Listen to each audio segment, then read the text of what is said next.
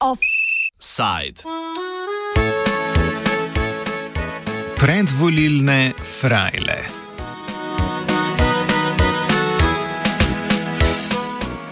Medtem ko je na slovenskih tleh vlada malce pohitela s preklicem epidemije, ki bo začel veljati zadnjega maja, kolesarski zanesenjaki pa zahtevajo odstop vlade, so se za prehitevanje po desni odločili tudi na Hrvaškem. Sabor se je namreč z večino, to je 105 glasovi izmed skupno 151 poslancev, razpustil in tako naložil predsedniku države Zoranu Milanoviču razpis predčasnih volitev. Slednje bodo tako potekale najkasneje čez dva meseca, čeprav so bile predvidene za letošnjo jesen. A vladi se mudi, saj se bojijo drugega vala epidemije, ki bi volitve brško ne preprečil, poudarjajo njihovi predstavniki za javnost.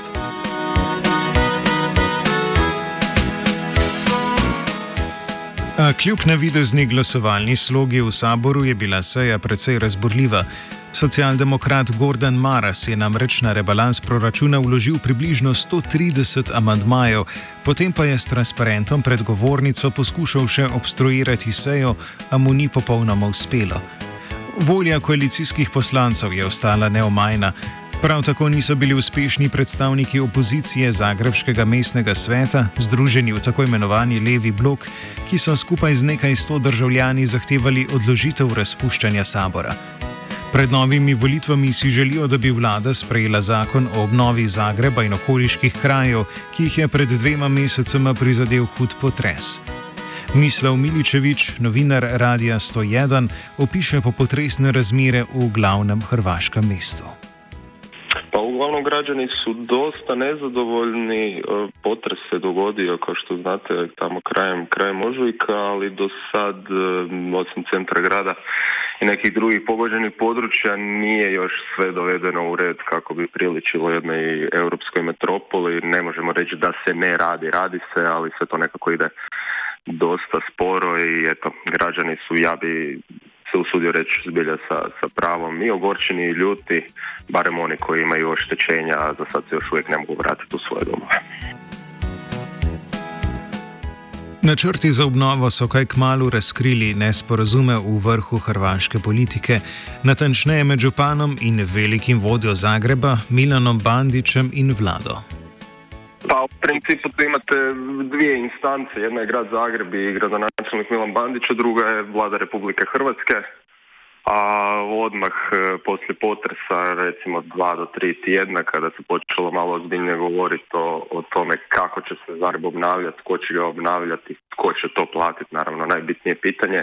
Došlo je do, do razmirica na, na relaciji gradonačelnika i ministra graditeljstva gospodina Štromara a ključan problem je zakon o obnovi Zagreba koji se trebao dovesti prije raspuštanja Sabora, no eto, danas je Sabor raspušten, zakon nije donesen, a zbog toga je i sinoš i danas ujutro dio oporbenih čelnika Gradske skupštine grada Zagreba zbog toga prosvjedovao. Kljub temu pa je zakon o obnovi Zagreba od preteklega konca tedna odprt za javno razpravo. A Tomislav Tomaševič, predstavnik platforme Zagreb je naš, ki je vključena v opozicijski svetniški, svetniški klub Levi blok, je prepričan, da vlada zakon pripravlja preslabo in prepočasi. Pa mogu ako sada ne raspusti sabor ako pomakne izbore za mjesec dana. A imali su dva mjeseca da napišu zakon. Mogli su, znači mislim da je sasvim dovoljno bilo mjesec dana da napišu zakon, usuglasi ga sa preliminarno sa strukom i da onda bude javna rasprava od mjesec dana, i danas je moglo završiti, mogli smo imati novi zakon i ne bi bilo nikakvih problema. Ovako, raspustiti sada sabor, doći nova većina, novi parlament, novi ministar graditeljstva, a onda vjerojatno i novi zakon. I tako će građani izgubiti vrijeme. To je jednostavno nedopustivo. Prav zato so svet, svetniki levega bloka prenočili na trgu svetega Marka in tam počakali državne poslance.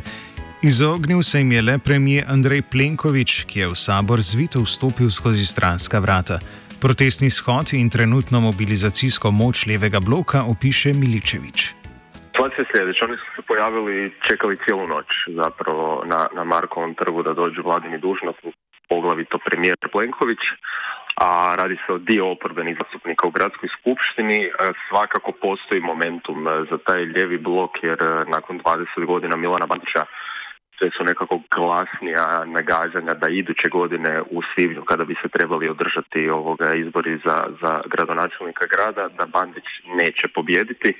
Točnije da će izgubiti dva su izgledna kandidata za, za njegovog nasljednika. S jedne strane to je Tomislav Tomašević upravo predvodnik tog takozvanog lijevog bloka koji je i sam uh, sinoć i jutros sudjelovao u ovom prosvjedu koji ste spominjali, a s druge strane tu je sve glasnije nagađanje da će vladajući HDZ napokon dobiti u Zagrebu jednog ozbiljnog kandidata za, za to poziciju, a to je ministar zdravstva Vili Beroš, čovjek koji je možda i najpoznatiji u zadnja dva mjeseca kao prvo lice stožera na civilne zaštite koja se borila protiv COVID-19 i posve izgledno da će HDZ iskoristiti njegovu popularnost kako bi eventualno zgrabio Zagreb i tako uh, Milana Bandića i ušao u situaciju da ga više ne trebaju za, za koaliciju u gradskoj skupštini.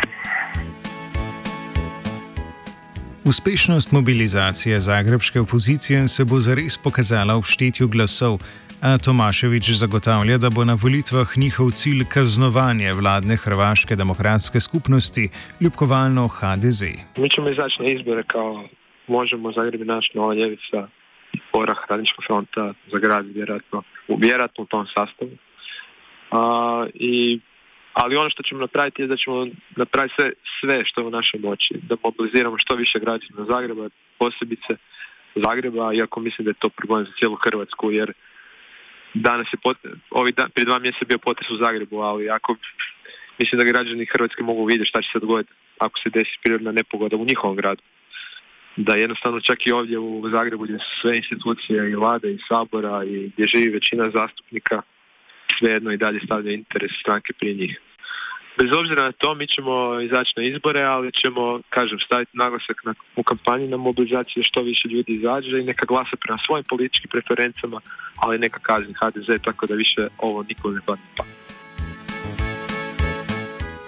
Ob organizaciji volitev v času pandemije se sprožajo številni zdravstveni in varnostni pomisleki, pa tudi dvomi glede pluralnosti kampanje, ki jih povzame Miličevič.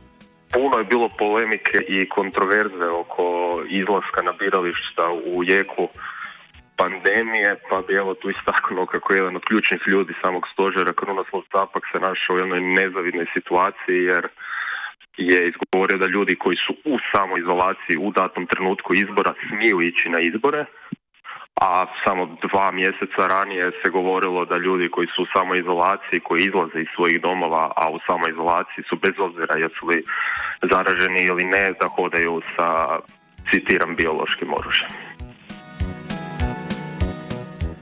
A po drugi strani bo, nadaljuje Miličevič, epidemija zagotovo omogočala snovalcem volilne kampanje HDZ-a jahati na zgodbi o herojstvu trenutne vlade in zmagi nad koronavirusom.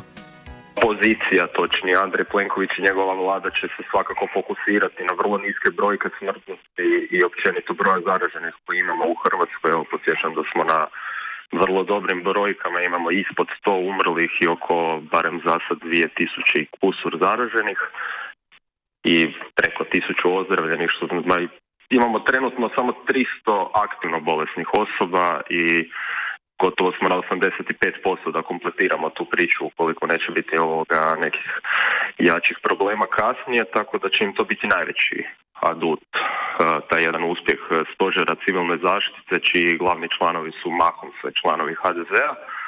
To je što se tiče pozicija, oporba će svakako kritizirati svoju oružje, tražiti u velikim ekonomskim minusima u kojima smo se našli i, i u toj jednoj, reći, gospodarskoj nedaći u kojoj se nalazimo, koja će se sigurno još amplificirati do rujna, listopada, studenog, kada neke od mjera koje su trenutno aktivne i, i privremenih financijskih pomoći koje su trenutno na snazi ipak malo oslabjeti i raskrinkati zapravo koliko je ova kriza duboka. BDP bi nam prema procjenama sada trebao pasti oko 9,4%, što je grozno. Prav zaradi tega se vladi tudi mudi na volitve, saj bi imela zaradi prihajajoče gospodarske krize, ki sledi, čim kasneje bi bile volitve, tam slabše možnosti za ponovni uspeh. HDZ je silno htio na izbore u lipnju ili srpnju poglavito da iskoristi ovu dobru epidemiološku sliku i da na temelju dobrih e, rezultata što se tiče broja zaraženih i niskog broja preminulih a, dobro prođe na izborima. Mislim da njima jesen kada su izbori prvotno trebali biti održani ne odgovara jer će se tada neke ekonomske posljedice možda jače osjetiti nego što se osjećaju sada, poglavito ako turistička sezona bude slaba, a bit će. Pa mnogi ovaj manevar HDZ smatraju kukavičlukom, a njihov argument odlaska na izbore sada u srpnju, a ne u, u, u rujnu je u principu strah od drugog vala zaraze, to je njihov argument, oni kažu sada je situacija dobra, nemamo veliki broj zaraženih, ukoliko će sve biti ok krajem lipnja, početkom srpnja, mi ćemo imati izbore u normalnim uvjetima, a sve na jesen bi bila špekulacija jer se ne zna kakva će biti situacija s epidemijom. Medtem ko bo levi blok mesta Zagreb poskušal mobilizirati nove voljivce, ki bi lahko prevesili jeziček na tehnici stran od največjih strank HDZ in SDP, bo po desni strani nekaj volilne baze poskušal vladi odškrtniti Miroslav Škoro. Patriotski slavček je namreč ustanovil stranko Domovinska liga, v kateri izbira že odslužene, pa tudi nekatere nove obraze hrvaške desnice. Situacija je zapravo u Hrvatskoj dosta specifična. Dugo smo imali taj duopol HDZ, SDP i onda se pojavila treća opcija Most prije nekoliko godina. Ona je svoj momentum ispuhala na ovim predstojećim izborima koje nas čekaju na ljeto. Rijetko ko očekuje da će dobiti više od dva mandata, što bi za njih u ovom trenutku bio uspjeh. Svakako treća najjača opcija u ovom trenutku je popularni pjevač Miroslav Skoro i njegov domovinski pokret on se sam kandidirao na predsjedničkim izborima koji su održani u siječnju. E, nije uspio ući u drugi krug pokraj Kolime Grabar Gitarović i Zorana Milanovića koji je na posljedku pobjedio, ali je ostvario zavidan rezultat nešto iznad čak 20% ako se ne varam osvojenih glasova što mu daje optimizam da, da na ovim parlamentarnim izborima može napraviti pomutnju na desnici i ukrsti nešto glasova HDZ-u neki govore da je koalicija s HDZ-om više nego izgledna, on će to svakako negirati u ovom trenutku, ne smijemo zaboraviti da je on sam bio usko vezan s HDZ u jednom trenutku svoje karijere, bio je i nasupao za njih i, i bio je član, tako da ne vjerujem, ne vjerujem da će na kraju ova priča izbora biti išta drugačija nego što je bilo do sada. Očekujem jednu veliku koaliciju na desnici koja će, po mom mišljenju, sasvim sigurno jako uvjerljivo pobijediti. Cenjene poslušalke in poslušalci, ne skrbite. Čeprav se zdi, da, je, da se hrvaška politična javnost končno ukvarja s sodobnimi temami, je velik del javnosti še vedno obremenjen z zadnjima dvema vojnama. Hrvaški državljani Bosne in Hercegovine objokujejo obletnico množičnega poboja hrvaških, slovenskih, srpskih in še nekaterih drugih prebežnikov v Avstrijo, kolaborantov in civilistov, ki jih je britansko vojaško vodstvo vrnilo partizanom.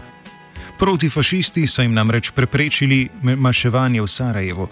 Medtem je hrvaška vlada obljubila podporo 5000 državljanom, ki bodo tožili Srbijo za čas, ki so ga preživeli v taboriščih med letoma 1991 in 1995. Psi lajajo, karavana ne gre nikamor.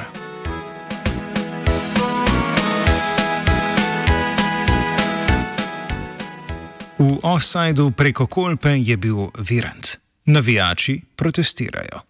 Bravo, Hrvaška!